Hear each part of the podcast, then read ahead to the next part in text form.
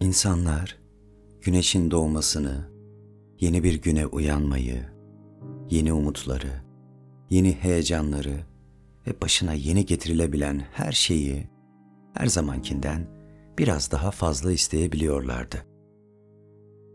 Genel konuşmak ya da sanki her insan böyleymiş gibi sanmak da biraz haksızlık olsa gerek. Bir hak arama mücadelesi mi yaşamak, kısmen katılmak mümkün olsa da öyle olmadığını anlatan birçok olay vardı zamanın içerisinde. Yaşamak diye anlamlandırılan şey, insanların anlam verdiği tüm şeylerle ve kimselerle uyanıp uyanmasıydı. Bu da biraz küstahçı oldu sanırım. Çünkü bazen uyanmak istenilmeyen bir rüya da olabilir, rüyalarda görülmediği için sırf görebilmeyi bırakmamak için uykuya ara verilen bir zaman da olabilirdi yaşamak. Tüm çevrelerde var olunan, istenilen kişiyle yaşanılan her şeydi yaşamak. Hani her şeyin önemini kaybettiği bir an olur ya, işte o anda insana kalanlardı yaşamak. İnsana kalamasalar bile insanda kalanlardı. Onunla birlikte olmaya devam eden her şeyle mutluluk inşa etmeye çalışmaktı. Anları yeniden yaşamaktı. Yeniden konuşmaktı tüm cümleleri. Yeniden duymaktı tüm kelimelerin birleştiği yerdeki o nefesleri. Yeniden koklamaktı o anımsanan ezberleri. İstemekten, umut etmekten, yaşamaktan vazgeçmemekti. İşte o sabah güneşi karşılamaya gitmişti Paul. Güneş gibi doğmuştu yeniden umutları.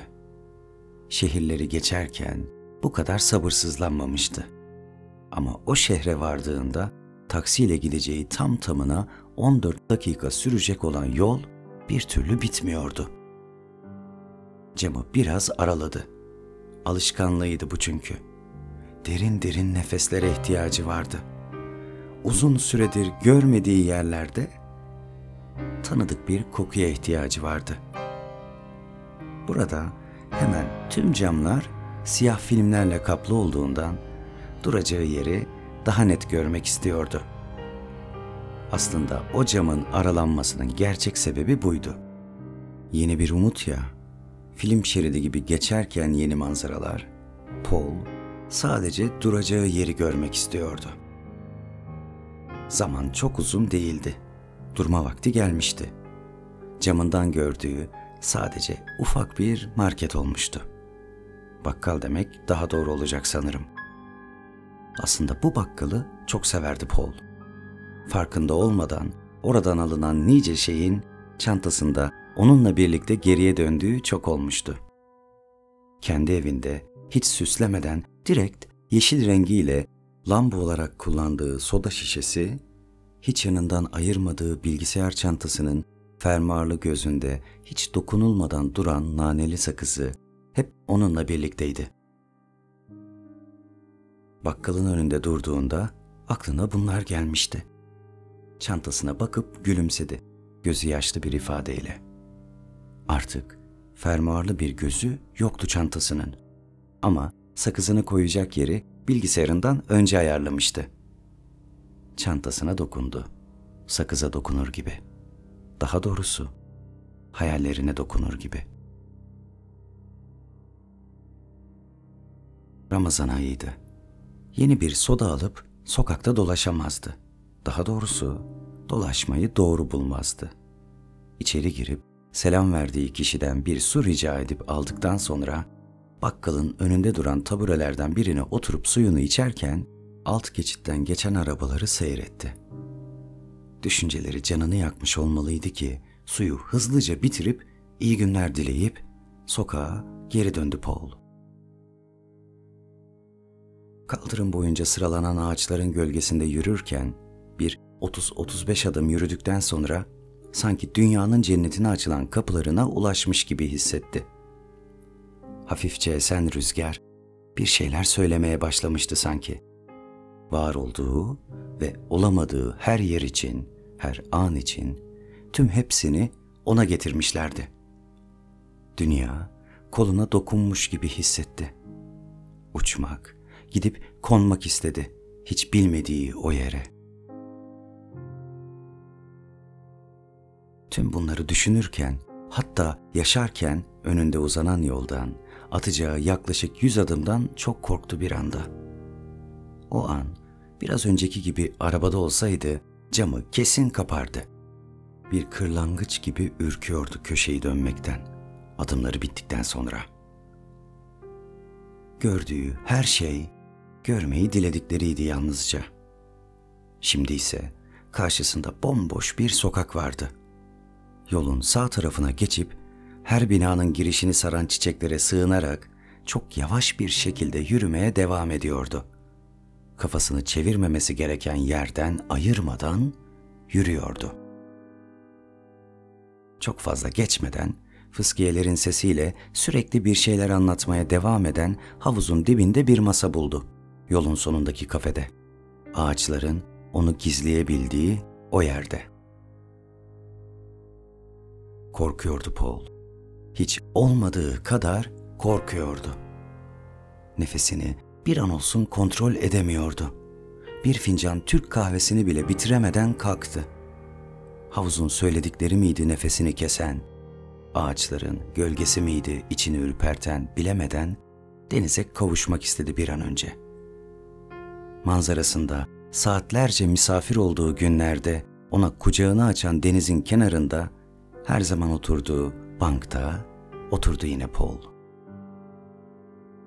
Kaç saat geçmişti, farkında bile değildi. Ayak bileklerinin acısından anladı geçen zamanı.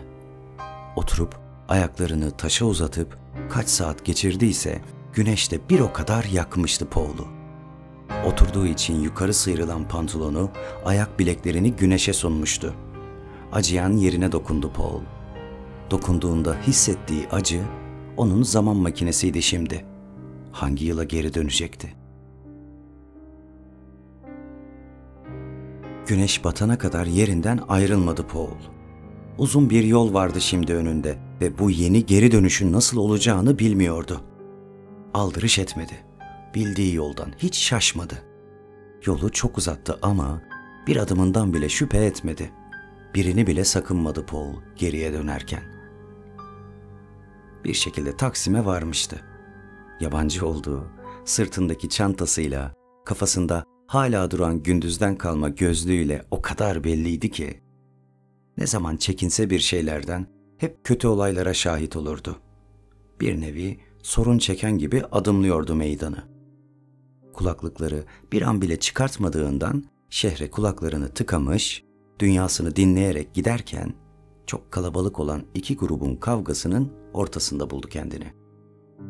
Kendini ifade edemeyeceği bir adrenalin sürüsünün içinde. Sesini duyuramayacağı bir gürültünün rüzgarında. Grubun tam ortasında kalmıştı Paul. Orada başına neler gelirdi, üç aşağı beş yukarı biliyordu ama düşündüğü tek şey orayı bir daha göremeyecek olma ihtimaliydi. Bakışlarını hemen görebileceği yüksek binalara yükseltti. Bu onu gülümsetiyordu. Neyse ki grubun ekseni yavaş yavaş kaydı da yolu tekrar açıldı Paul'un. Yaşadığı bir anlık şoku atlatabilmek için bir kaldırımda oturdu biraz. Gözü Garanti Bankası'nın önünde birbirini ısırarak mutlu olan, oynaşan köpeklere takıldı. Islık çalıp, daha doğrusu bir şekilde ıslığa benzer ses çıkarıp onlara seslendi. Biri durup Paul'a baktı.